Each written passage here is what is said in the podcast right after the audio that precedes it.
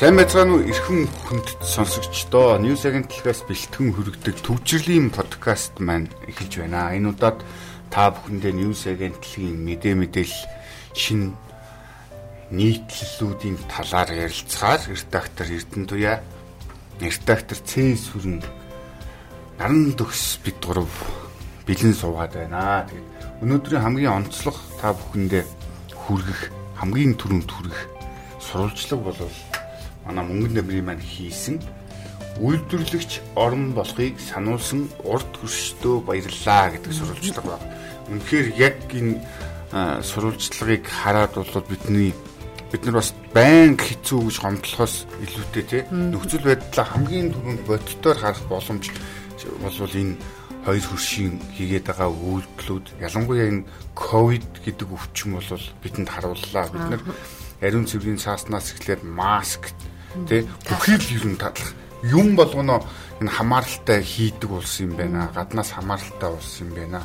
Хэрвээ энийг маш сайн энийг нөгөө боломж гэж хараад бид нар энэ бүхнийгээ өөрчлөхийн төлөө явах юм бол бас биднэрт боломж байна.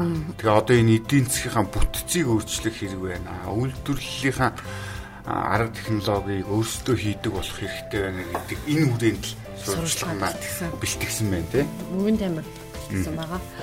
Тэгээ энэ дээр бол маш харамсалтай энэ ковидос болоод хил хаагдсантай холбоотойгоор манад одоо нүүрсний уу, талхны уу тий. Одоо чи үндэсний үйлдвэрлэгч гэж ярьдаг томоохон компаниудын бүхэл сав боглоо бодол хятадаас хамааралтай гэдэг харагдчих байна. Өмнө нь бол энэ асуудал юусоо сөхөгдөж байгаагүй тий. Энэ дээр энэ сурвалжлагын дээр импортын сав боглоо боодлын бүтээгдэхүүний 90 гаруй хувь нь хятадаас үлдсэн хувь нь Орос болон өөр улсаас худалдаа авдаг. Тэгээ Монголдо 35% гэж байгаа. Тэгээ 35% яг ингээд зах зээл дээр явал ер нь бас тун багтаа ер нь савлгааны хувьд бол. Тэгээ гол нөгөө бидний өдөр тутмын хэрэглээний тий өргөн хэрэглээний э, хүнсний үйлдвэрлэгч болсон талхч ихээр сүү хувьцаат компани тий. Тэгээд зүрүүр бас тэгжсэн KFC байна 5 богд группийн тий. За KFC чинь одоо эн чинь сав бодлого бол утгагүй болчихж байгаа байхгүй тийм. Муутан дундаа усаа хийгээд хүмүүс ч бас нэг шок яриа гарсан байна шүү дээ. Талахгүй уутгүй ч гэсэн талхаа авъя тийм тэгээ нөгөө халдвар хамгааллын тийм. юу болж хөөрөх үү тийм ингээд бас дэлгүүрийг ч бас тэг шоклом хийжлээ юм. Тийм бид нар бас ингээд нэг талаараа маш мундаг дэвшилт хүрээд хөгжөөд байна гэд байдаг. Гэтэл бид нар чи яг энэ нөгөө нэг шаадсан цаа багш идэг шиг те. Тэрэн шиг юм хэлбэр төдий дээр бидний энэ хөгжил дэвшил маань явж ийжээ. Одоо удахгүй тэгээд энэ цахилгаан дулаан хэцүүднэ гэдэг байгаа. Энэ үед нь цахилгааны ачааллаа дийлхээ болоод гал алдчих магадгүй байдалд орлоо. Тэгвэл энэ сайхан шин орон сууцнууд шилэн барилганууд маань юу болж хөөрөх вэ гэдэг Маш. Тэгээд засгийн газраас ч бас тэгээд байгаа шүү дээ. 3% хүүтэй зээл те. Үндэсний үйлдвэрлэлээ дэмжинэ гэдэг байгаа. Яг ийм бодлого нь эзэндээ хүрэхгүй байгаа.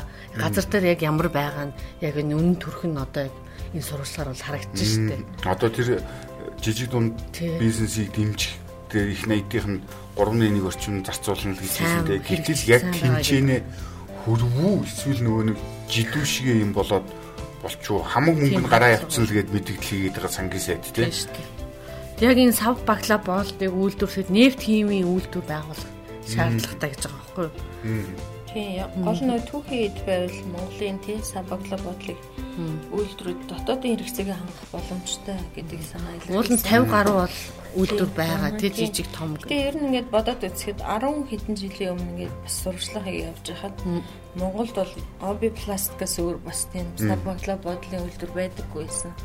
А тэгээд өнөөдөр ингээ эргээд харахад тий 10 хэдэн жилийн дараа бас л байх байдгаараа байж байгаа хайгу эмгэнэлтэй. Тэгээ бүхэл бүтэн тусгаар улс гэж яхад одоо ингээ үйлдвэрлэлүүдээ л маш яралтай хөгжүүлэх хэрэгтэй. Яаж л дотоодын хувь үйлдвэрлэлийг одоо хангадаг, эрэлт хэрэгцээг хангадаг. Тийм л төвшөнд очиж. Тэгээ хөдөө аж ахуйн яамнаас болохоор тэгдэж гурлийн үн нэмэгдээгүй хэвээр байгаа мөртлөө гурлын бүтээгдэхүүнийх нь үн нэмэгдээд байгаа. Тэгэхээр энэ нөө хил хаастай холбоотой сав багла боодол нь байхгүйгээс үнэтэй үн нэмэгдэж байгаа гэдэг тайлбарыг хэлээд байгаа байхгүй. Дээр нь шатгуун чи нэмэгдэж гисэн тийм. тээвэрлэлтийн зардал тэр юм Тэр нь бол шингэж байгаа тий. Тэгээ бид нэр бол яг үндэ манай үйлдвэрлэл гэдэг бид нар нэг хүнд үйлдвэр нэг ч ялах тий. байх. Ерөөсөө тэгээд дээр нь бид нар боловсруулах үйлдвэр юу ч байхгүй гэдэг нь эндээс л харагдаад байна шүү дээ. Дандаа ослтгооны хүнсний хідэн үйлдвэр байна. Тэгээд дээр нь за нүүрсээд гаргаад экспортлж байна. Тэрнээс өөр юм байна. Чайшаага дэвшлээ нэг төмөрлөгийн үйлдвэр байна тэгээд өөр. Тэгэл нэг үндэсний үйлдвэрлэл гэл нэг том юм яриад туу цаашлаа л тий. Тэгэл яг энд мэдэр дээр бол ингээл хоосон сууж. Монголчууд уг нь бол хий гэвэл чадахгүй юм байхгүй шүү дээ. Тийм учраас тий маш зөв бодлогоор зангидаад А тэгээ үйлдвэрлэлүүдээ л маш аралтай. Дотооддоо ядаж нэг амьсаа ч юм уу тий. Амьс яхав. Хот амьс байх ширээ тий. Үйлдвэрлэж байна. За тэгээд ядаж өнөөдрийн хүнсэн сэдв сав баглаа бодлынхоо үйлдвэрлэлийг хөгжүүл бас нэг л дэвшил. Тэгээд үнэн өсөд нэмэгдээд. Тэгээ одоо ялангуяа нэг үйлдвэрлэл эрхлэгчтэй хөрөнгө оруулагчид нэг л юм яриад байдаг. Одоо энэ гарамжаа гэдэг хүний нэг асуудал бол түүний том жишээ нь болсон тийм. Нэг үйлдвэр оруулж ирэх гээд идэг юмыг нь акциарах гээд бизнесийн ямар нэг мэдлээ дотооддоо юм үйлдвэрлэх гээд үзээд идэг. Нөгөө татврынх нь мэрэгжлийн хяналтынх нь очиод баахан өндөр татвар тавьчихдаг. Тэгтэл улсын хурлаас нь болохоор ийм үйлдвэрүүдийн тоног төхөөрөмж техникийг хөнгөлнөө гэж заасан байдаг. Нөгөө талд нь татврынх нөгөө гараар нь торгуул тавиад нөгөө тийг нь олгож ирсэн татврыг аавна гэдэг. Ингээд явж идэг ийм нөхцөл байдалд бизнесийн бол маш төвөгтэй байдаг учраас магадгүй энэ үйлдвэрлэл рүү зориглож ордог хүн зориглож ордоо ч гэсэн шаталт ихтэй тий. Тэгээд ингээд төрийн байгууллагууд нь хинж хизээж очиод ямар ч татвар юм уу ямар ч юм тавиад хаагаа ич магадгүй юм нөхцөл байдал байдаг болохоор бас юм юм анхаарат байна. Тийм учраас нөгөө ерөнхий сайд маань хэлээд байгаа бизнесийг дэмжнэ, навилгалыг зогсооноо, хүн суртлыг таягданаа гэдэг гол юм чи ерөөсөө л энэ төрийн байгууллагын уялдаа холбоо бүтц эдний дивдсэн зохицуултууд хэрэгтэй байна гэдгийг харуулад байна да. Тэгээд одоохондоо яг нөгөө уутнууд нь бол байна. Тэгээд хуутгүй бол хайчих юм байгаа юм тийм хэрэгжилж байгаа түүхийд бол бас л урдаас энэ дээр эсвэл дөрөөлөд засгийн газраас нэг арга хэмжээ авах хэрэгтэй шүү дээ. Дотоодоо чиглэлсэн дэмжсэн. Тэгэхээр яг худлаа ингээд нэг 3% зээл хэрэгжиж гин гэд ингээд яваад байгаа.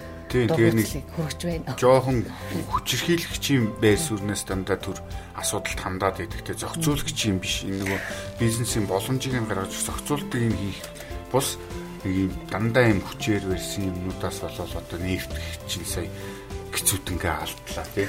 Гэхдээ өнөөдөр энэ нэг бас гаргаж байгаа шийдвэр тий.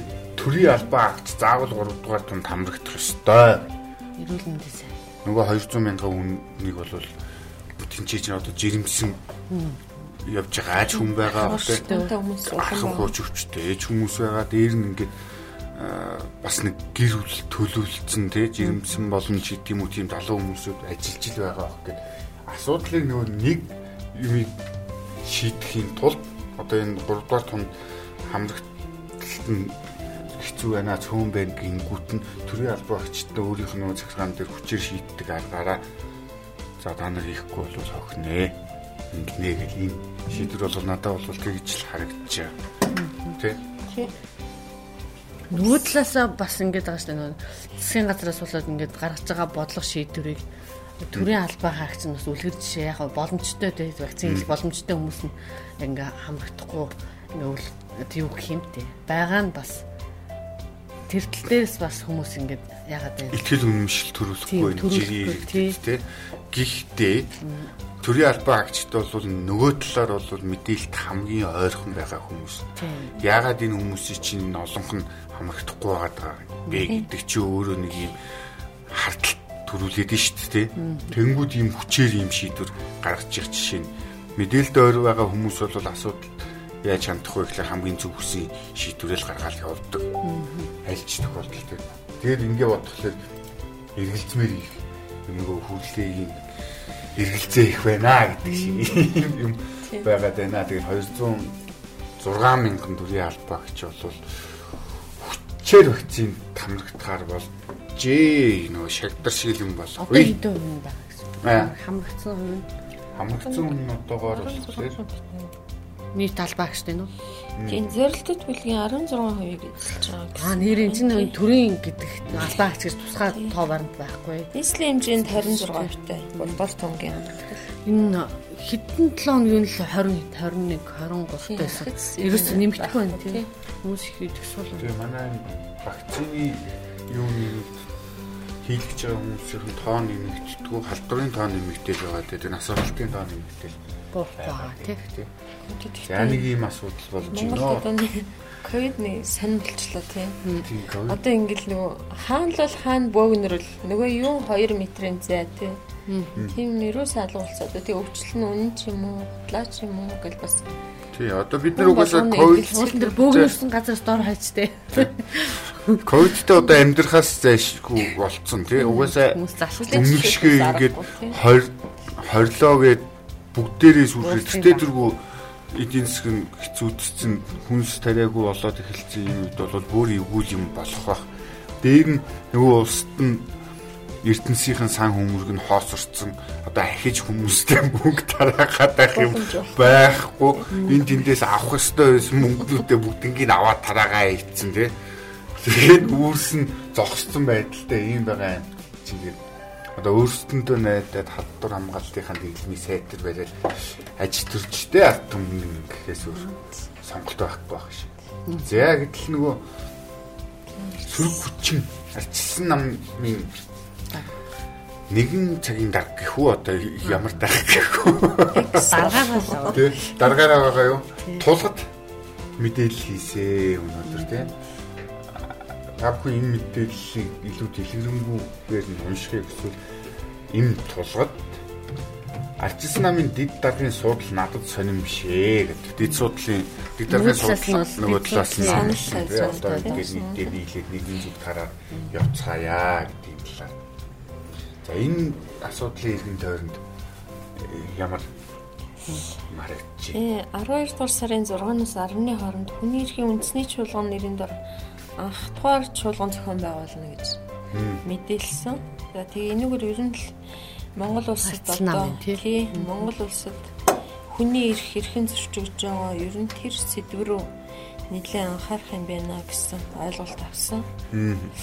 Хүний эрхийн зөрчил, үндсэн хуулийн хэрэгжил ямар хэмжээнд байгааг үнэлж дүгнэн. Тэгээд цар тахлын нөхцөлд хүний эрх зөрчигдсөн асуудал гэж нөө Эрдэнэ Эрдэнэ одоо ер нөгөө тэн хэмлээ.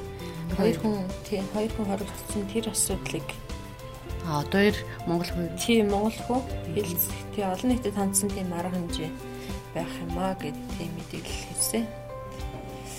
Тэгээ ер нь арслан намын хувьд бол одоо ойлголцох хэрэгтэй шүү тий. Тий одоо нэг ингэж дугармаар биш. Нэг зүгт хараад тий одоо энэ улс орон хэцүүдсэн 63-ийн бүлэг дангаараа засаг байсан тий. Тэгээ одоо ерөнхийлөгч байсан хүмүүс маань чөлөөт эдийн засаг гэж байхгүй гэж хэлсэн. Тэгээ энийг ч хүртэл энэ хүмүүс дуртаад байна тий. Тэгээд энэ одоо бас нэг ингэмээр байна даа энэ хүмүүсээ хийгээд Гэтэл чи өнөөдөр бас нөгөө одоо энэ ковидын үед локдауны үед яг хүний эрхийн зөрчил гаардаг гэдэг энийг илэрлэн дабл стандарт үйлчлээд байна гэд танилцуулж исэн. Одоо комеди амраа гэж залуучууд нь бол сайн мэдэх. Энэ хүний шүүх хурл бас болж байна те өнөөдөр.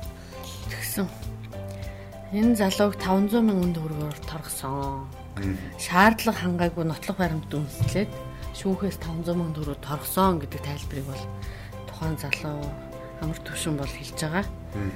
Тэгээд 7 дугаар сарын 26-нд одоо хэргийн материалтай танилцаад 8 сарын ихэр шүүх хурал болсон. Тэгээ хэргийн нотлох баримтаар авсан баримтууд нь одоо шаардлага хангахгүй байна гэдэг үндслээр 14 өнөөр хойшлсон.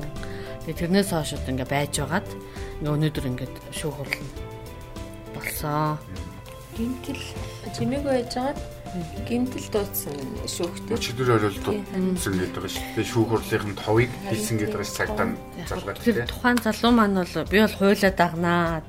Тэгээ надтай яг адилхан улбар шар төвшөнд дэглэмийн үед одоо ингээд үйл ажиллагаа зохион байгуулсан хэдэн мянган хүн цуглуулсан тий. Бүр махан овоо босгосон гэдэг байгаа шүү. Тэгээ их баригч эрх мэдлэлтнүүд эрх баригч баригч нарт одоо хариуцлага тооцсон үстэй гэдгийг өөрөө бол асууж байгаа ам асууж байгаа. Яг энэ талаар бол тий ингэж хэлсэн байна шир. Нотлох баримт хангагдаагүй. Мэдүүлэг авсан хүнийхээ гарын үсгийг зураагүй байсан. Уг нь дахиж мэдүүлэг аваад гарын үсгийг зурах ёстой байтал нөгөө нотлох баримт хангалтгүй мэдүүлэгт хууль зөрчөөд дахиад гарын үсгийг зурулсан байх жишээ нэ. Ийм шаардлага хангахгүй нотлох баримтд үндэслээд шүүхээс Булган тамир бид хоёрт зөрчлийн эргээр 500 мянган төгрөгөөр торгууллаа. Нэг нь бол энэ хуулаа бариач цал цар тахлынхаа үеийн амраа болвол тий энэ олноор нь хүн цуглуулад байгаа энэ халдвар хамгааллын дэглэмээ зөрчөөд байгаа юм а арилгаач гэж шаардсныхан төлөө энэ хүн ингээд 500 мянгаар торгуулж ийн нөгөө талд нь энэ одоо булган тамир гэдэг байгаа бол мэдээлэл харилцаа холбооны биш үү? Биш биш. Энд бас нэг нөгөө арчлсан арчлалын үндсэн зарчмаас хазааж байгаа нэг тийм байдал ажиглагдаад байна л та. Одоо жишээ иргэн үзэл бодлоо чөлөөтэй илэрхийлэх эрхтэй. А тэгтэл нөгөө эрх баригчтай хувьд бол жоохон өөдөөсөн сөрөлдсөн ч юм уу тий бодлогын эсэргүүцсэн хүмүүсээ гэдэг нэг барьж хорчих гээд байна уу гэсэн тийм нэг зүйл ажиглагдаж байгаа л. Тэгээд Монгол хүү одоо 2 дээр ч гэсэн бас тийм баг нээлттэй сонсголыг явж байгаа. Тэгэл нэг ийм л юм яваад байна да ард түмэн. Тэгээ уг нь бол гэхдээ энэ амар төвшин ч гэсэн хилээд байсан тий. Би хэрвээ намайг одоо баривчлах ч байт юм уу энэ эргээр хэрэг тулгах юм бол би оюун эрдэмтдээ адилхан хэрэг тулгаа гэдэг би шаардлага тавина нэгэнд надад болохоор ийм хууль нь үйлчлэлээд байдаг. Ерөнхий сайд нь үйлчлэлтгүй. Эсвэл мэдээлэл харилцаа технологийн газрын дарагт нь ямар ч үйлчлэлтгүй ийм хууль гэж байхгүй. Үндсэн хуулиндээ бол бид нэр ишгтийг шарилцаатай байхаар тусгасан. Энэ үндсэн хуулийнхаа зүйл залтуудыг биелүүлье гэдэг өөрөө бас мэдэгдсэн байсан гэдэг. Одоо эн чинь ингээд нэг зүгээр ийм эдийн засаг хүнд байх үед бол өнөөдөр 500 мянган төгрөгөөр торгоо зүгээр өнгөрч байгаа юм шиг ингээд харагдаж байгаа боловч эн чинь зүгээр үгээ хийснийхаа төлөө хүн 500 мянгаар торгуулаад байвал те цаашдаа хэн үгээ хилдэг байх вэ гэдэг айхтар шийтгэл биш юм шиг мөртлөө эн чинь зүгээр дундаж салинтай хүний бол баг сарын хагас сарын цалин шүү дээ. Сарын цалин байж байгаа мөнгө тий. Тэгээд ингээд нэг юм эдийн засгийн хувьд бол ийм цензур тавиад байгаа л арга байгаа байхгүй тий үг хэлэхэд нь үзэл бодлоо илэрхийлэх. Зарим хүний бол байл зайлуул сарынхан цалин ч байж магадгүй шүү дээ. Тий зарим хүнд бол яг нь ялангуяа энэ дээр байгаа хүмүүст бол зүгээр юм уу хоолны мөнгө та нусны алчуурны ч мөнгө юм уу тий. Тий шүү дээ. Брэнд брэнд хэрэгэлдэг хүмүүст бол зя тэгээд иймэрхүү байдалтай өнгөрч байна. За тэгтэл нөгөө яг Монголын сүүлийн үед эд бүм болоод байгаа монголчуудын баяжчихъя гэсэн хүсэл мөрөөдөл маш их түлхэц болж байгаа энэ огтөр эдийн засгийн тухай буюу энэ юуны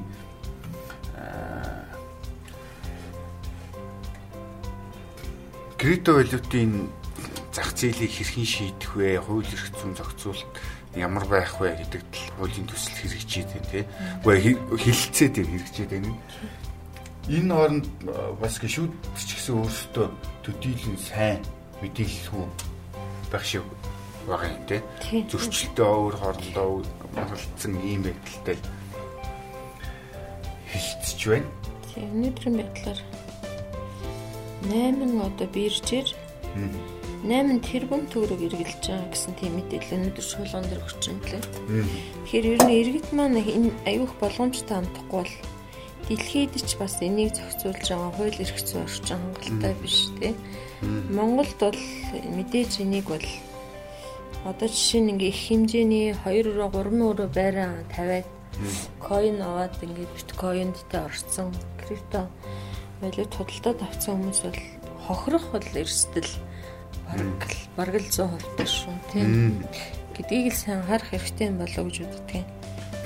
Одоо бид нөгөө маш сайн мэдээлэл авч цуглуулж энэ талаар өөрсдөө эхлээд судалгаа хийж үзчихийж яах их вэ шийдэхгүй болвол зээл 50 50 тэгж тийшээ авч мөнгө ороод байр савнаас ихэл алдаад эхэлсэн юм хэцүү юм байна. Гэтэл чинь бас тэр яг энэ зах зээл дээр чинь нэлээ ашиг орлогч байд юм амжилттай байгаа хүмүүс нийт орлогынхоо нэг 20 орчим хөвч байд юм уу тийм 10 орчим хөвч юм уу? Тэрийг нь л ингэж эргэлдүүлж наана цаана гэж юм гэдэг мэдээллүүд байгаа даа шүү дээ. Одоо тэгэл жишээлбэл олон нийтээс хөрөнгөний татцсан Тэгэд арилжаа нэхлээгүй 10 coin байна гэж байгаа байхгүй.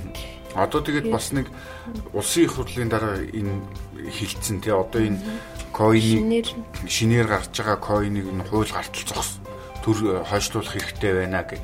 Эн чинь өөрөө бас яг зөв шийдвэр мөн үгүй юу гэдэг чинь маш эргэлзээд зурмаар асуудал үүсэж байгаа тий.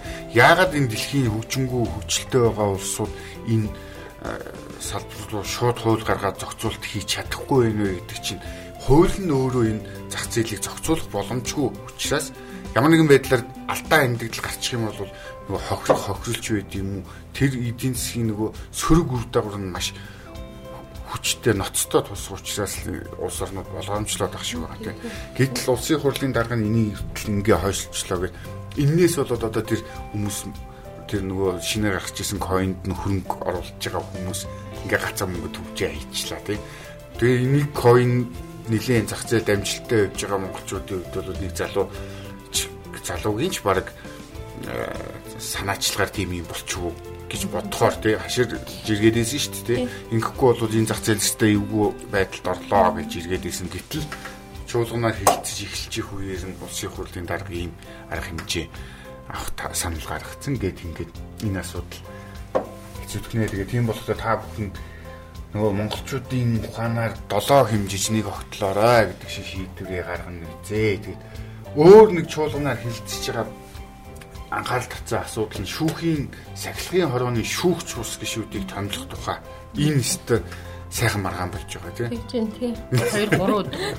Тийм. Энэ тэгээд шүүхт нэр дэвшиж байгаа шүүгч бус шүүхийн ерөнхий зөвлөлд нэр дэвшиж байгаа шүүгч бус гişүүдэд хэн горилж байна гэдгээс илүүтэй мааны энэ нөгөө дотоод зодооны л асуудал яг энэ дээр харагдаад байна тий.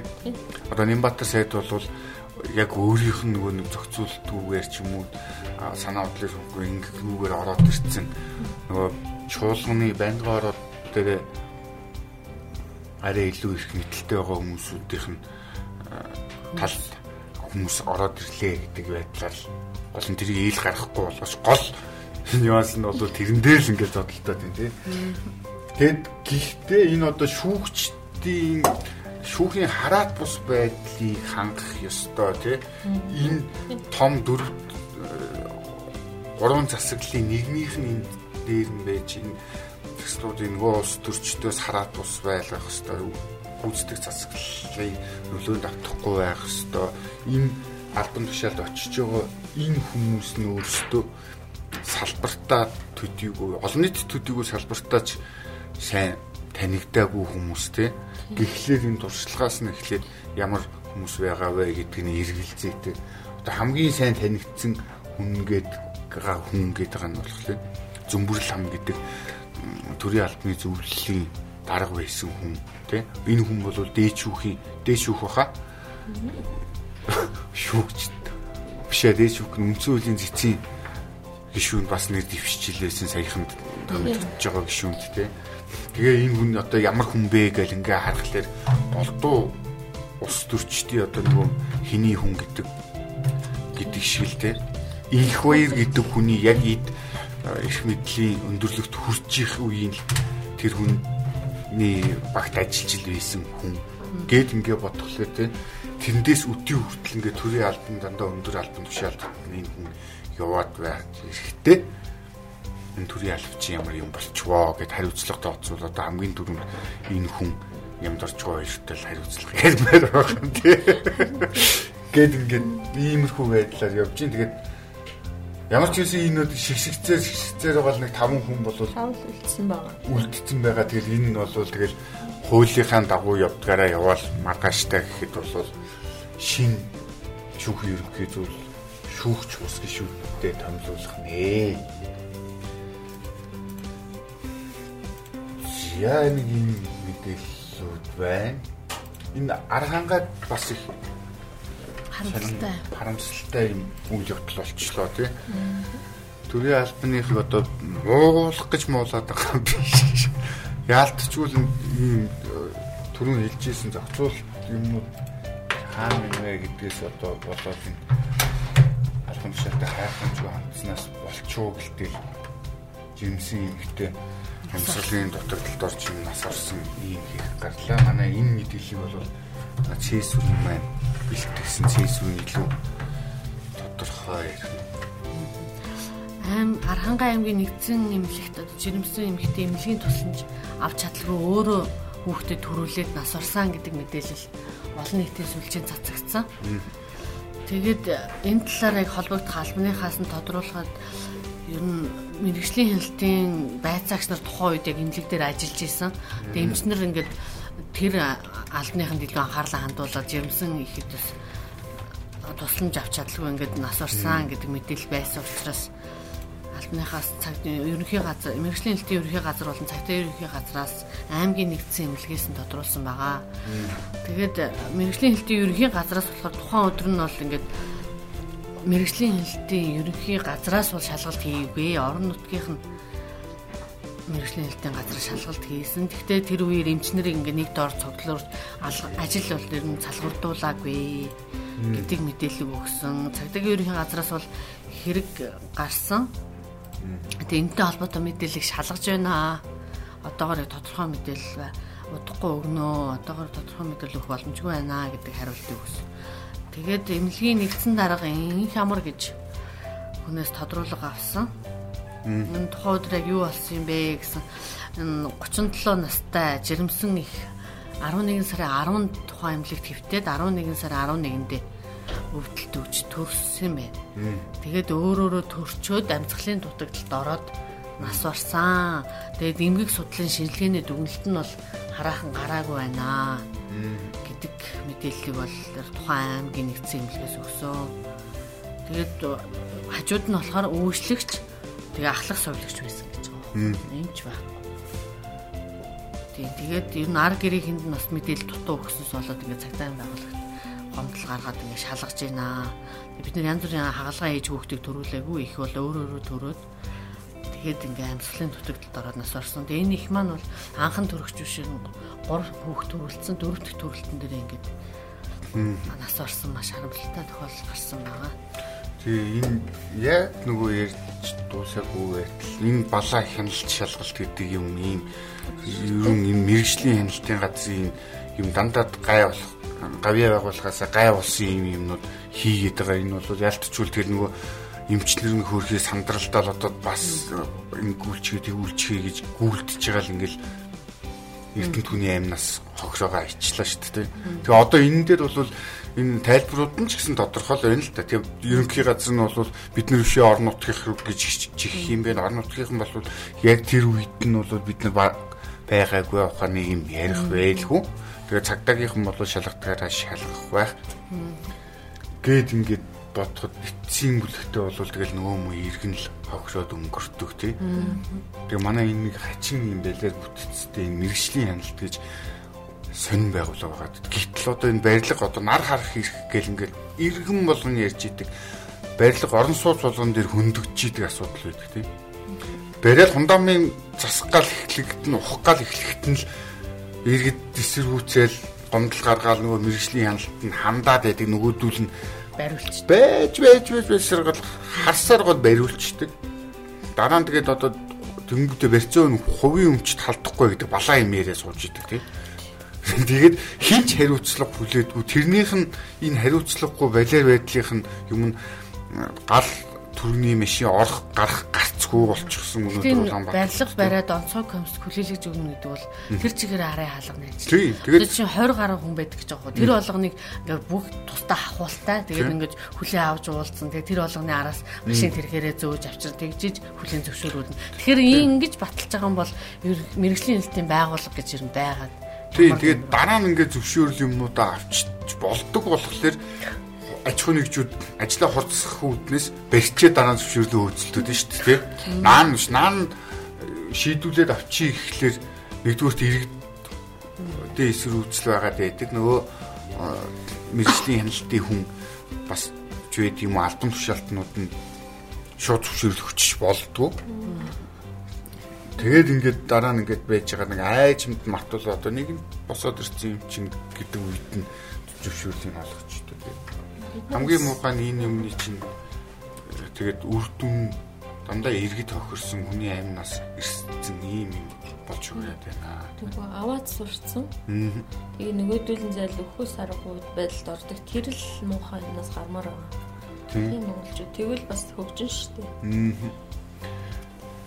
За тэгээд ингээд одоо дор бүрнээ хариуцлага байж хамгийн гол нь төрийн албаныхын зүгхтэй биш бид бүхэн хариуцлага байнга шахаж шаардаж байж энэ бүхнийг өөрчлөхийн төлөө бүгдээрээ нийлж байгаа нэг санаа оноотойгоор ятаж түнэр харанхуу зүхэд цугаар ганц ч гэсэн лаасаа та бүхэн төвчрлийн подкасттайгаа байсанд баярлалаа. Бүхэн бид бүхэн та бүхэнтэйгээ илүү олон мэдээлэлтэй шин сургууль мэдээлэлтэй дахин уулзъя. Баярлалаа. За баярлалаа.